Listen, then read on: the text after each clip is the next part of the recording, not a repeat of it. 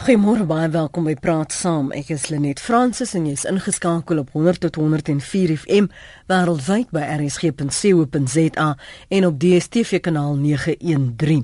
Die woord revolusie word deesdae deur politieke leiers wyd en suid gebruik, soms vir effek, soms om mense aan te hits, maar die gelaaide woord het verrykende gevolge en kan 'n land en sy mense tot goeie of ten kwade beïnvloed.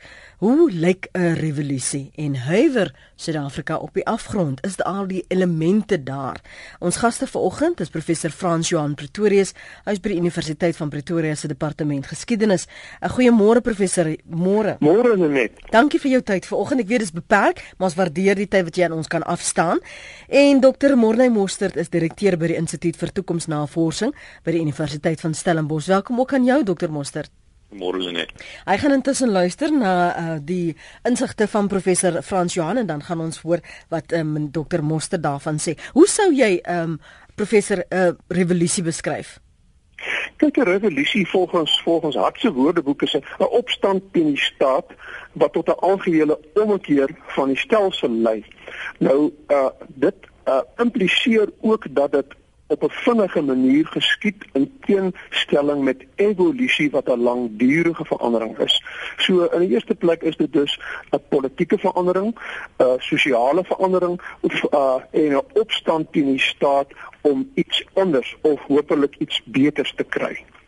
Nou, hoe moet ons in die huidige demokratiese milieu waarin ons leef 'n revolusie verstaan vergeleke met hoe dit destyds wat in ons geskiedenisboeke wat ons geleer het van eh, 'n uh, coup d'état wat 'n revolusie behels?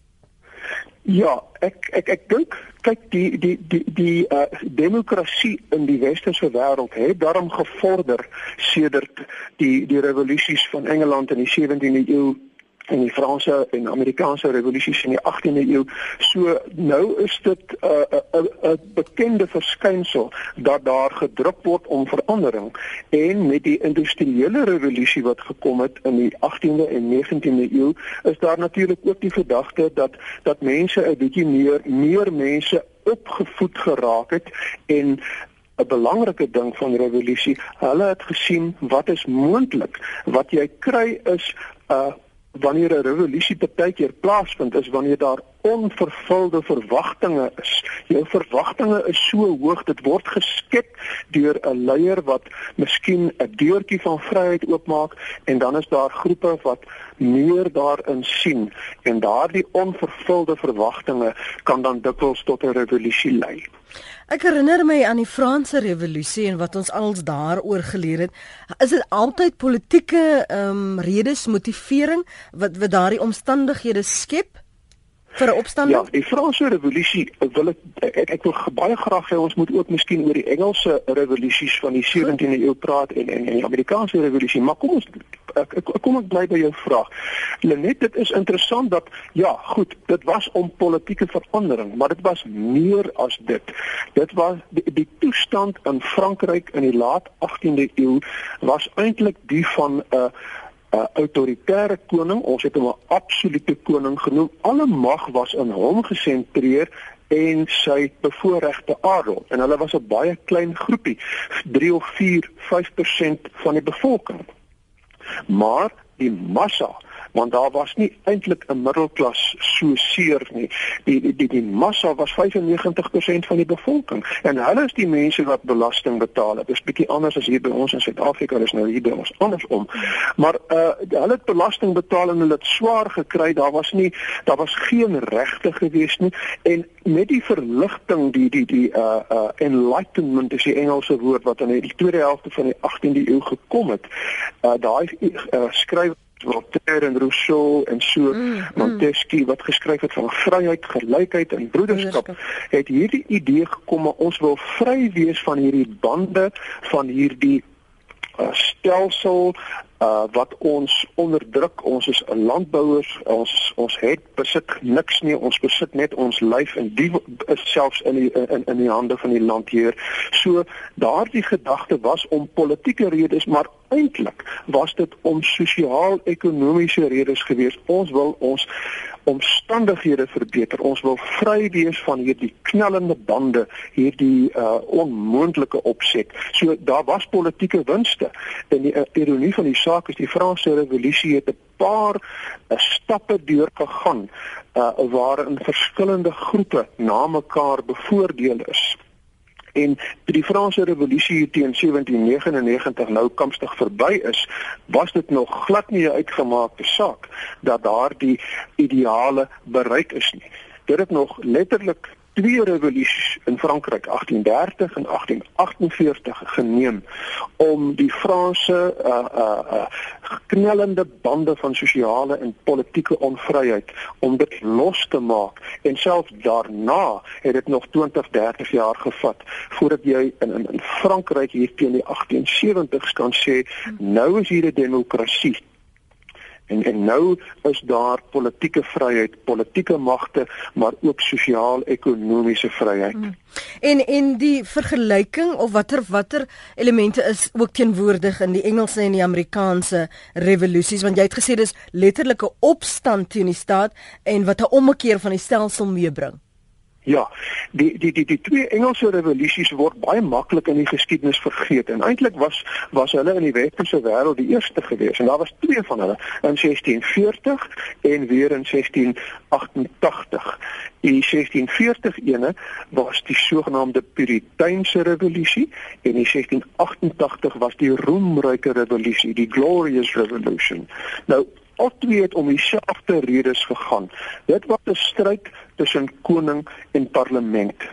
Die die uh Tudors tot en met koningin Elizabeth die eerste het 'n baie goeie verhouding met hulle parlement gehad. En die parlement kom eintlik daar uit 1215 met die ehm um, die Magna Carta toe die baronne wat adel was vir die koning gesê het: "Hey, jy kan nie vir ons ouens uh uh, uh arresteer uh, nie. Jy hmm. moet eers deur 'n hofsaak gaan.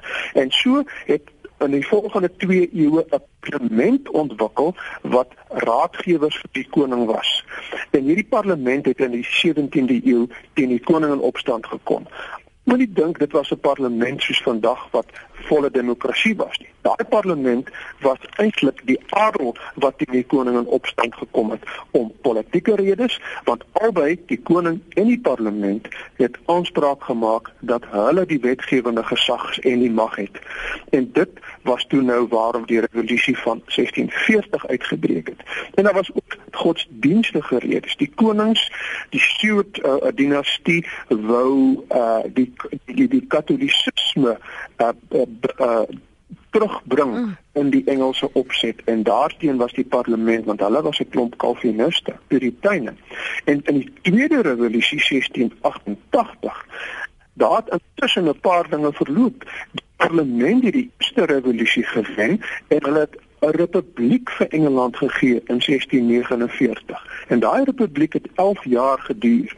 Maar Oliver Cromwell en sy seun Richard het bietjie 'n gemors gemaak mm. van daardie demokrasie wat kampstig nou gekom het en daarom het die Engelse bevolking en die parlement begin verlang terugverlang na die koningskap en dit is in 1660 herstel die restoration en toe in 1688 toe kom die parlement weer teen die koning in opstand want die latere stewards het gesê nou wil ons katolisisme inbring mm. en uh, die, die die parlement het nie 'n seggenskap nie en daardie revolusie wat in 1689 die Bill of Rights gekry het het bepaal dat daar 'n sogenaamde konstitusionele monargie in Engeland tot stand gekom het. Die koning hm. is die uitvoerende gesag, maar die par die parlement is die wetgewende gesag. En dit was nog alles met die adel gewees.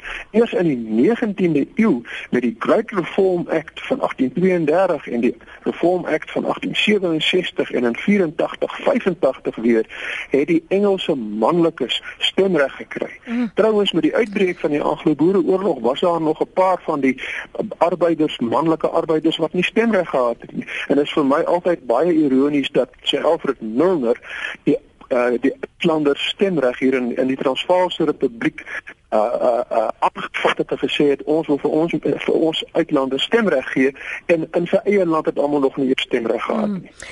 Ek ek gaan terugkom na daardie die die die datums en die relevantie van die datums wat jy noem en dat ons bietjie gesels oor 'n uh, tydsfaktor in in 'n revolusie. Ek wil gou net ja. terugkom en en vir dokter ehm um, Mostert hier inbring. Hy's direkteur by die Instituut vir Toekomsnavorsing. Een van sy spesialiteitsvelde is juis leierskap. Kan ons praat van die Arabiese lente as 'n moderne revolusie, iets waarmee ons meer vertroud is, uh, dokter Mostert?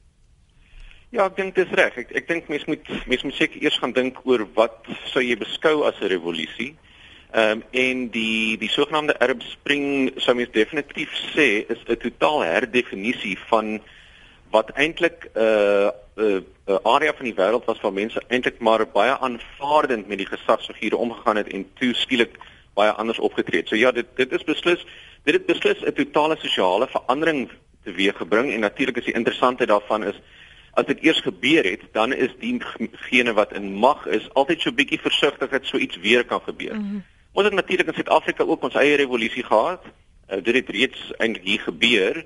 Ehm um, en die groot vraag is natuurlik is 'n mens nou tans steeds in 'n revolusie of is jy eintlik in 'n periode van stabiliteit uh, of is jy dalk weer voor 'n nuwe revolusie? Hmm, ek het gou 'n aantekening daar gemaak want een van ons luisteraars wil weet wat is die verskil tussen 'n burgeroorlog en 'n revolusie? Ek dink ehm um, daar's allerlei definisies daarvoor, maar ek ek dink ehm um, ons kan ons kan definitief onderskei tussen 'n burgeroorlog en sê net maar 'n staatsgreep en 'n revolusie. Burgeroorlog ehm um, lei nie noodwendig tot 'n tot 'n revolusie nie behalwe dat dinge verander het. Uh, 'n uh, staatsgreep is definitief 'n voorbeeld van revolusie want dinge het nou 'n omwenteling gemaak. Hmm. Maar nie alle revolusies is natuurlik 'n staatsgreep of 'n burgeroorlog nie. Ek ek dink As jy mens dink aan 'n algemene sosiaal-politieke revolusie waarvan ons nou hier praat, dan sê mens soos professor Pretorius uitgewys het, dis 'n kort periode wat 'n mens daar kan byvoeg is dit is 'n fundamentele verandering wat plaasvind. En ook dat dit ekstra konstitusioneel is, dis buite die konstitusie wat dit plaasvind.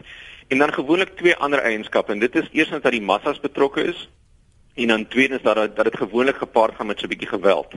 Ehm um, maar dit beteken nie dit is noodwendig 'n volskaalse burgeroorlog of 'n mm. volskaalse staatsgreep nie. En mense het natuurlik ander forme van revolusie. Die industriële revolusie byvoorbeeld het 'n sosiaal-politieke aard gehad, maar het ook 'n baie tegnologiese karakter gehad. En mense sien nou weer in die wêreldekonomiese forum dat ons byvoorbeeld gesels oor die 4de industriële ja. revolusie. Ja. Ons kan ja. miskien later gesels oor wat die eerste 3 was, maar daar is 'n dramatiese verandering wat besig is om plaas te vind oor in die hele wyse waarop ons met die wêreld omgaan deur middel van tegnologie wat eintlik 'n revolusie is wat ons almal verwelkom.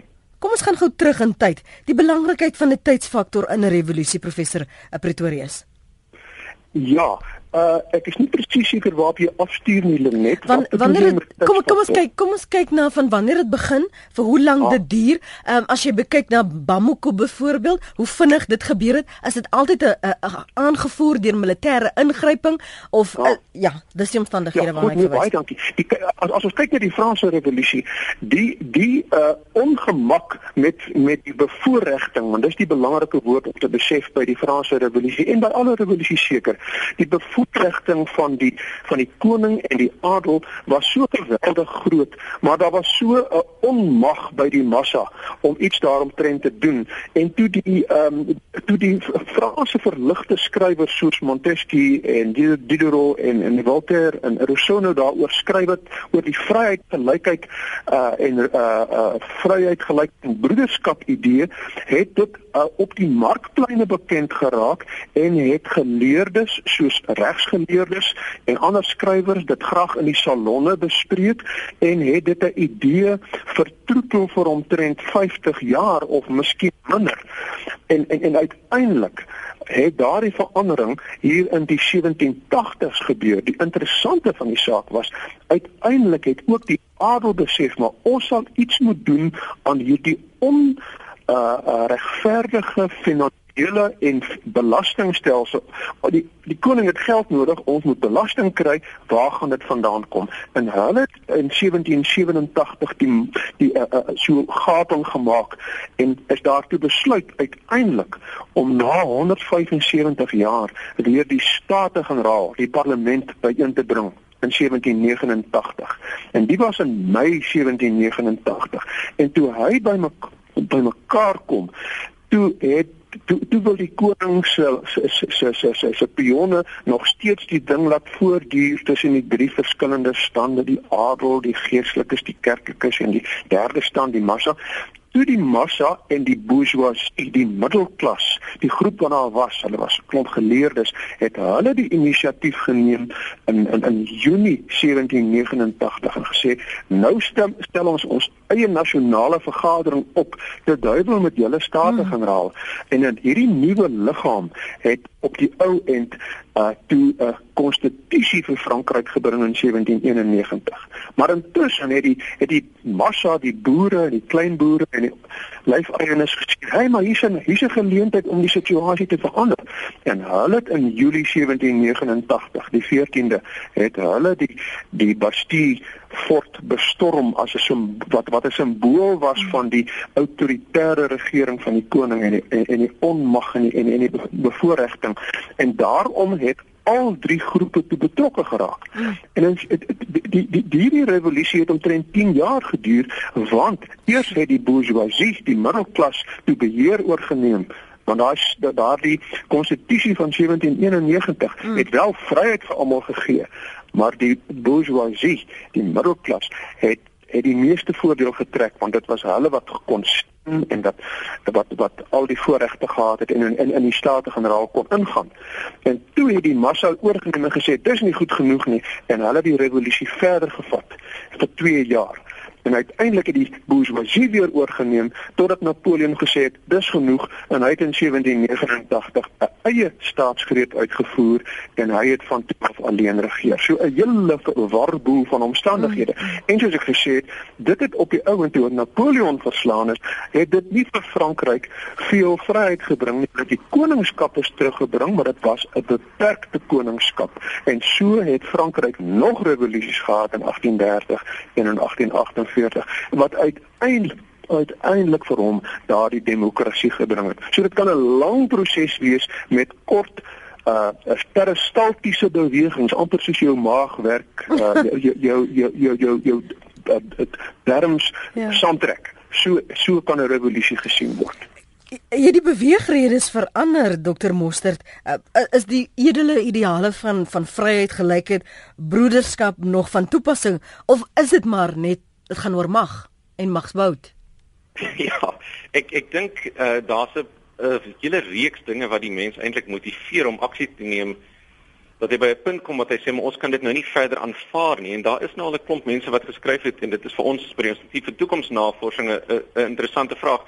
Kan 'n mens die die die tekens raak sien dat jy dalk uh, die punt van 'n revolusie nader? Lenin onder andere het byvoorbeeld geskryf dat daar uh, volgens hom 'n paar uh voorvereistes is vir 'n revolusie. Hy het byvoorbeeld gesê die die regime moet gesplit wees. Byvoorbeeld is een van sy vereistes en dit is interessant vir Suid-Afrika as mm. mense nou gaan kyk byvoorbeeld na die ehm um, na die ehm um, die drie partye van die van die alliansie, die ANC, die mm. uh, kommunistiese party en COSATU. Mens dalk kan sê maar daai regime is dalk gesplit. Dan het hy gesê ook die middelklas is nou onseker. Moet hulle met die werkers saamgaan of moet hulle met die met die adelstand saamgaan. As ek nou praat van die adelstand, is dit nou 'n nuwe adelstand, uh, diegene met mag en geld en en so aan. En mense kan debatteer waar staan die middelklas in Suid-Afrika? Dan het hy ook gesê maar die werkersklas is gereed om te beklei. En as mense kyk na sekere stemme byvoorbeeld in die parlement, dan klink dit vir mense tog asof dit moontlik is dat die werkersklas is het dalk nou genoeg gehad. En dan 'n interessante ding wat hy sê is die teenwoordigheid daarvan 'n revolusionêre party. Met ander woorde, daar's iemand wat leiding neem wat 'n wat 'n revolusionêre tipe gedrag toon. Oeh. En as 'n mens sy vereistes gebruik, dan kan jy amper in Suid-Afrika sê, maar goed, dis 4 uit 4. Ehm um, ons dit dit lyk positief vir 'n revolusie. Ehm um, maar ek dink dit is heeltemal so eenvoudig nie, want jy het uh, jy het 'n paar ander vereistes nodig. Ehm um, en dit sluit onder andere in ehm um, dat uh mense wat ontevrede is, het het ook mag uh en en soms ook toegang tot tot gewelddadige meganismes soos wat mense nou sien in ander revolusies in die res van die wêreld. En dit sal mense sê net kan ek nie bykom en ietsie ja. sê wat vir my interessant is as 'n hmm. vergelyking tussen ons revolusie en die Franse revolusie byvoorbeeld. Ja, daar het 'n uh, revolusie plaasgevind vanweë bevoordiging van een groep en 'n ander groep, maar ons revolusie is 'n bietjie ingewikkelder, want dit is nie net 'n klassestryd soos die nuwe marxiste dit graag wil sien nie, maar dit is ook 'n rassestryd want die die haves en die have-nots was baie duidelik die blanke en die en en en die swart man. So met ander woorde, ons revolusie het 'n multifaktore wat op mekaar inspel en en en wat eintlik al 'n bietjie laat kom in die demokratiese geskiedenis van die Wes. Hm. Uh, ons het nou verwys na die die omstandighede hier in Suid-Afrika en wat teenwoordig moet wees. Dit is 'n baie moeilike vraag, maar ek wil tog vir julle net al by die geleentheid gee om daarop te reageer. As ons die vergelyking tref tussen die verlede en en die hede en die revolusies wat ons gesien het, is dit dikwels die stelsel of is dit die leier en leierskap of die afwesigheid daarvan of teenwoordigheid of is dit 'n samevoeging wat wat wat die leier in staat stel om die stelsel te gebruik juis ten voordeel van homself of om in mag te bly. Kom ek kom ek vra vir jou in terme van die verlede en dan vir jou uh, oor die die toekoms of die die hede um, Dr. Mostert professor Pretorius, uh, was dit die stelsel wat misbruik is deur die leier of was dit die leier ja. die probleem? Dis baie interessant as 'n mens nou weer die die Russiese revolusie wat wat Dr. Mostert nog uh, op opgehaal het gaan vergelyk met die Franse revolusie. Die Franse revolusie het wel 'n paar leiers gehad. Lafayette en Mirabeau en daar was 'n klompie van die middelklas mense wat wat beslis sterk leiers was, maar die die die die, die groep as sodanig was baie sterk geweest. So hulle het hulle het 'n kern gevorm wat wat daardie wil en kundigheid gehad het om dit deur te voer. As jy na die uh, Russiese revolusie kyk, Lenin was so ongeweldig, so so geweldig teoreties en prakties ingestel om hierdie revolusie te laat slag.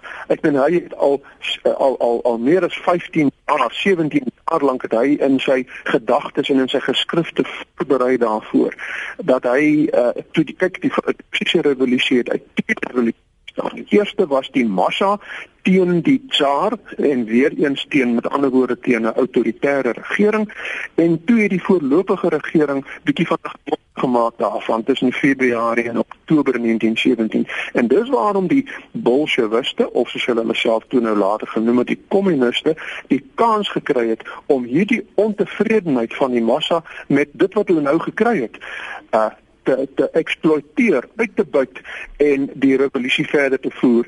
Uh Lenin het wel 'n uh, uh, vriende gehad wat hom ondersteun het, uh uh Trotsky en meer, maar dit is baie duidelik. Daar was hy was so sterk figuur dat hy met sy charisma het hy daardie revolusie deurgevoer. Mm. En as ons kyk na die hede en veral politici se pogings om altyd hulle termyne te verleng, eh, Dr. Mostert, is dit 'n teken alreeds dat dit eintlik maar die leierskap is wat die probleem is?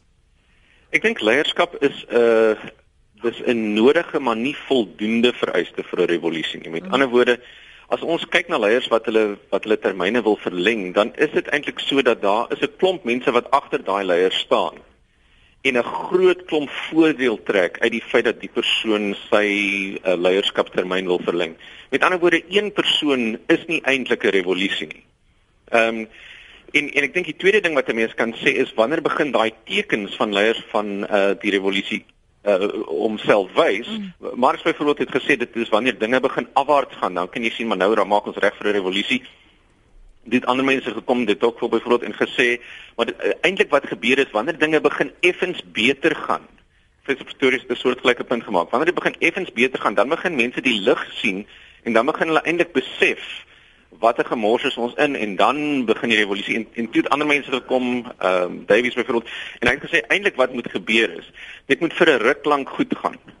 En wanneer dit dan begin swak gaan en die verwagtinge van die mense word nie vervul nie dan het jy 'n goue resep vir revolusie. Kom ek lees wat skryf sommige van julle op ons webblad. Ons praat natuurlik vanmôre oor die gevolge wat 'n land en sy mense kan tref as daar 'n revolusie is en ons het nou vanoggend 'n bietjie konteks gegee in in terme van geskiedenis en hedendaagse omstandighede en watter elemente teenwoordig moet wees wanneer ons praat van 'n revolusie. James sê die komende revolusie in Suid-Afrika is 'n anti-wit revolusie sê hy. Dit is duidelik dat daar ook 'n anti-Afrikaanse revolusie in demokrasie ingebou was en daardie revolusie is nou al amper verby.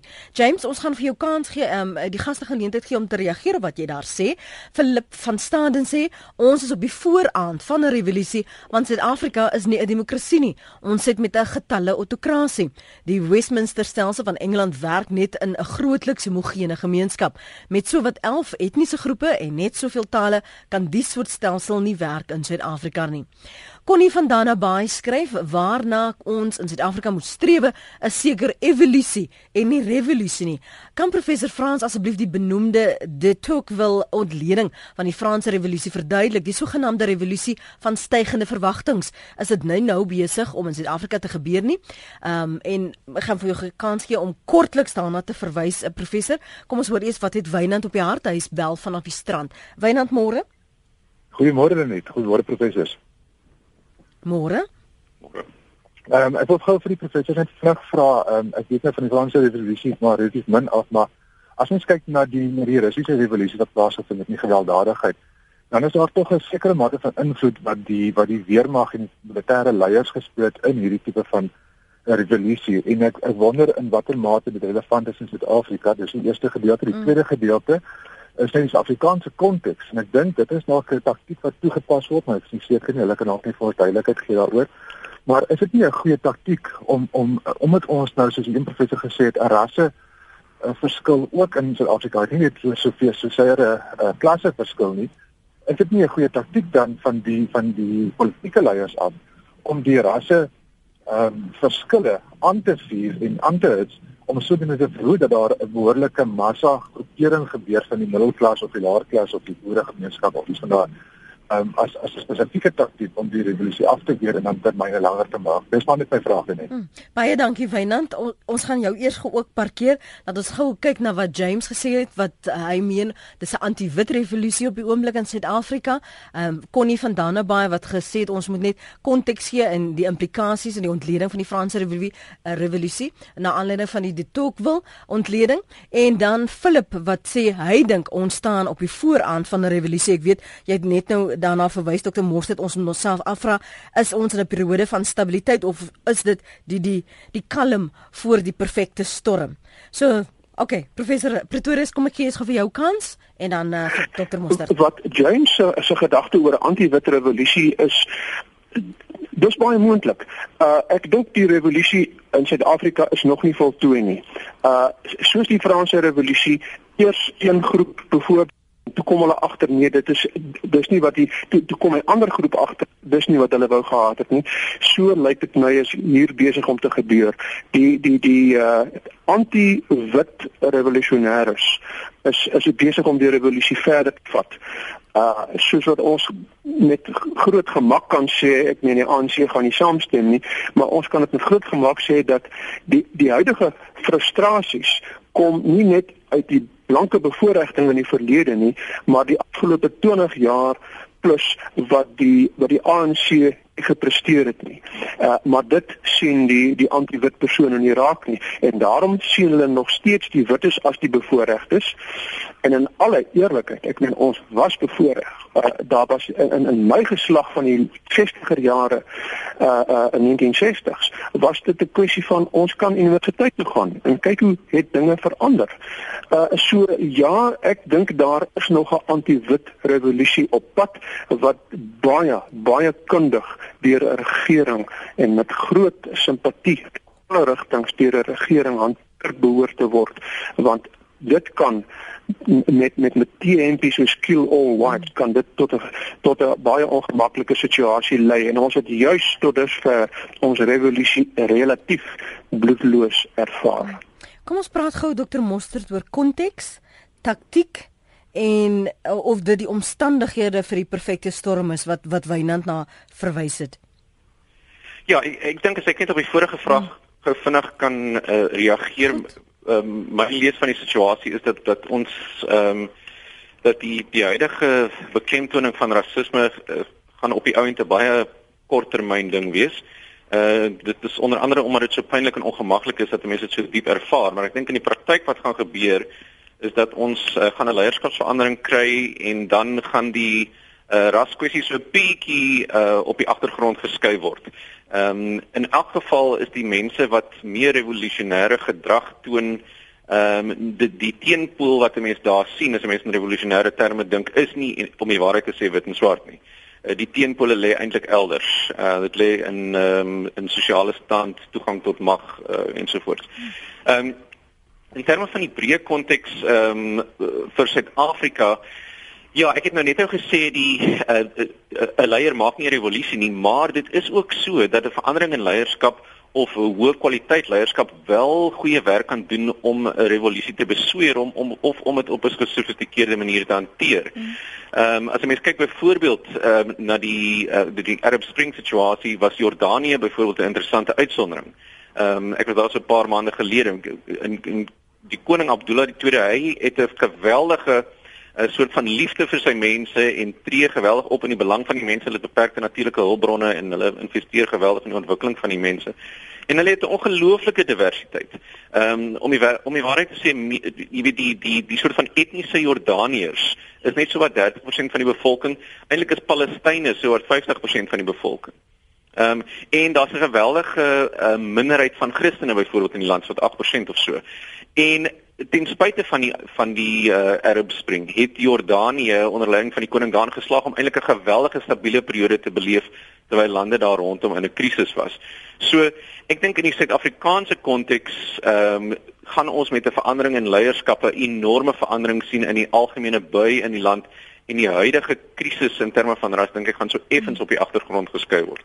Stanley? Ek ekskuus net, ek wil net ek kan ek is ek is ek nou roerend eens ja. met dokter Mostert. Ons het 'n nuwe leier nodig wat vir ons uh, deur hierdie druk gaan stuur hmm. en hierdie rasisme laat bedaar. Kan ek gou vra want ek ek wil nou nie on ook u tyd misbruik nie. Hierdie uh, vraag van Wynand is nogal vir my belangrik. Die die sekere mag van militêre invloed. Um nie net in Suid-Afrika nie, maar ook in die verlede en wat ons in ander revolusies uh, gesien het moet dit moet dit teenwoordig wees om ons te verseker dat jy mag behou daardie militêre invloed en hoe sterk is, is dit tans in Suid-Afrika? Is dit vir vir, vir jou vir jou vir, nee, vir jou professor Pretorius? Uh, weet jy uh, Lenet uh, die militêre het altyd baie belangrike rol gespeel in 'n revolusie. Toe Tsar Nikolaas uh uh twee van Rusland in 1905 'n revolusie ervaar, want die massa het in opstand gekom teen hierdie bevoordiging van die en en en en, en, hulle eie uh miserabele posisie, was die soldate aan die kant van die Tsar gewees. En toe in 1917 met daardie revolusie, toe sê hulle nee, daar's nie 'n manier wat ons die die Tsar nou kan stuur nie. As stuur nie en hulle het die kant van die massa gekies. Dieselfde het gebeur met die uh die uh, uh Hongaarse opstand in 1956. Aanvanklik het die uh soldate die uh Poolse kommunistiese regering gesteun en toe hulle later verbroeder en het daardie uh het het hulle aan die massa se kant gekom. Dit was die ingryping van die Sowjetunie wat daardie uh, uh, uh Poolse revolusie onderdruk het. Ag ag Hongaarse revolusie of opstand onderdruk het. Hou net vir my vas, Stanley. Ek wou nou net vir jou vra om terug te bel môre. Ag môre net, môre nie gaste, môre Suid-Afrikaners. Môre, môre. Ag man, net, jy weet, dis 'n baie interessante gesprek wat jy het. Uh, op die oomblik lê ek tans die Khoisan revolusie as 'n groep. Wat gebeur het wanneer 'n wanneer 'n groep se bestaansreg uh uh uh jy weet wanneer dit bedreig word, mm. dan word jou godsdienst, jou taal, jou kultuur, jou alles, dan het jy nie meer keuse nie. Soos 'n baba 'n baba begin eers te kruip en dan begin hy te loop val val en dan begin hy. Ons as Suid-Afrikaners spesifiek die Khoi en San en die ander minderhede van die blankes het weet ons kan nie nou nog ding van apartheid gebruik teenoor dit wat regverdig is uh daarom ons sien dit 'n revolusie is iets anders. Ons sien dit as ons sê genoeg is genoeg. Ons kan nie meer uh, ding hou in vrede want as van ons word bedreig in hierdie Suid-Afrika Maar wat bedoel jy as jy sê jy sien dit as anders? Want as ek dink nou en ek ek uh, kyk na die elemente wat die twee gaste vroeër na verwys het, um, is daar sekere tekens wat teenwoordig is, sekere elemente wat sê goed, hierdie eh, is nou ryp vir 'n revolusie. Wat bedoel jy as jy sê dis anders, jy sien dit anders? Kyk hulle net, kom ek kom ek sê vir jou so. Ons in die verlede was dit gesê ons byvoorbeeld die feit dat dit apartheid gebring. Ons het daar ons, ons weet ons het daarteen beklei vir vir vryheid en demokrasie. Maar in die nuwe demokrasie, die 21 jaar van demokrasie, is ons dan nou liewer erger af as wat ons as wat ons was. So ons voel as as Queen Sun mense, ons gaan vernof vir onsself beklei en nie net vir onsself nie, maar vir die minderheidsgroep ook. Want as ons praat van minderheidsgroepe dan dan sluit ons seker Afrikaner groepe in. Want want dit word bedreig dit kan die revolusie gaan nie net oor oor ryk en wie ryk is. Dis in Afrika kyk, ons is swart rykes ook, maar hulle onderdruk die minderheidsgroepe.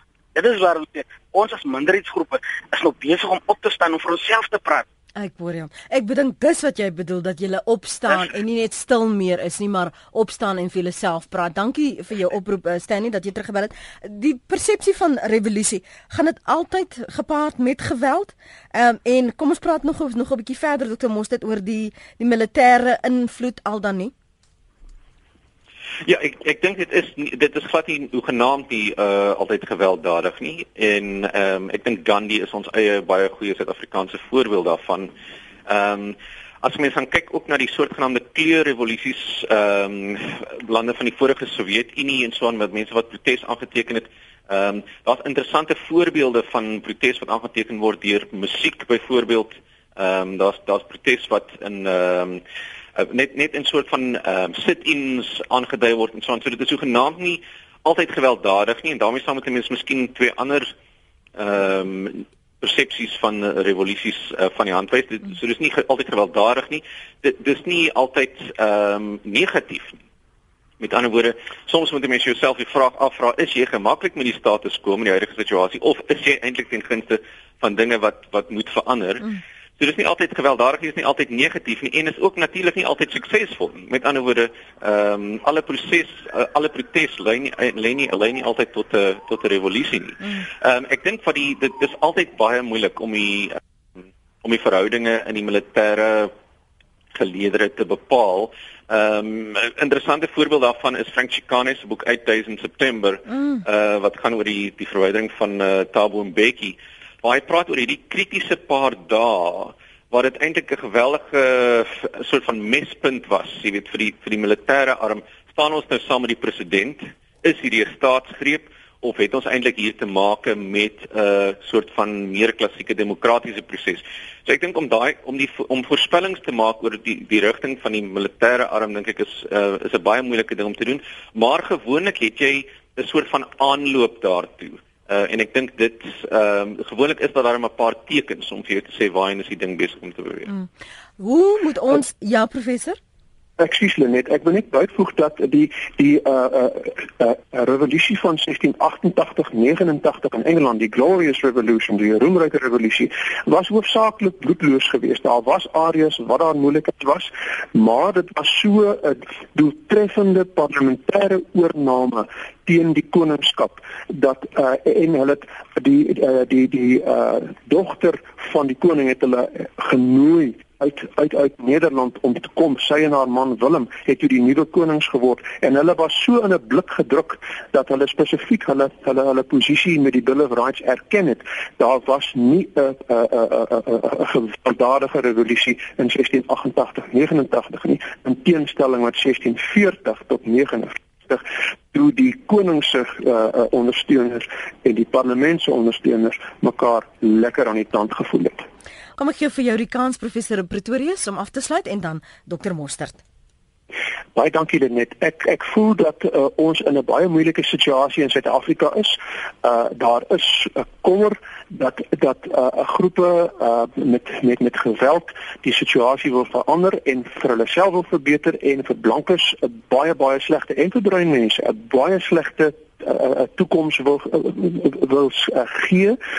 Maar aan die ander kant uh, daar is die geloof dat 'n mens dat, dat daar 'n God is wat kyk na sake en maar dit is ook waar dat ons uh in hierdie stadium in die geskiedenis glad nie so sleg daaraan toe is as ek vergelyk met hoe dit in die Anglo-Boereoorlog of met die blankes in die groot trek gegaan het nie. So ek is ek ek is nie uh, uh pessimisties oor die toekoms nie. Ek ek is seker dat dat ons 'n uh, 'n nuwe bedeling gaan kry waarin daar leiers kan kom wat wat die gemoedere kalmeer en hierdie absolute brandende kwessies kan met groot rustigheid kan oplos. Dr. Mostert Ja, dit was JFK wat gesê het diegene wat 'n vredesame evolusie onmoontlik maak, maak eintlik 'n geweldige 'n gewelddadige revolusie onafwendbaar. Hmm. En ek dink in daai opsig is dit is dit in die hande van die burgery van die land om om seker te maak dat ons nie 'n gewelddadige revolusie het. Aan die ander kant is daar klomp mense in Suid-Afrika wat nie noodwendig 'n gewelddadige revolusie wil hê nie, maar hulle is ook nie noodwendig tevrede met die huidige toestand van sake nie. En dan moet ons met ander woorde dink wat is ons meganismes van hoe ons 'n ordentlike evolusie kan kry. En daar is die beskerming van die sogenaamde Chapter 9 institutions van ons uh, grondwet geweldig belangrik in die beskerming van daai instellings dink ek kan 'n geweldige bydrae maak dat ons eintlik 'n vredesame soort van evolusie ervaar. En ek dink die verandering in leierskap wat uh, wat nie ver weg is nie, kan ook 'n geweldige bydrae maak. Dr. Mone Mostert, professor François Pretorius, baie dankie vir julle tyd vanoggend en julle insigte op praat saam. Ons waardeer dit hier. Baie dankie. Dankie Lenie.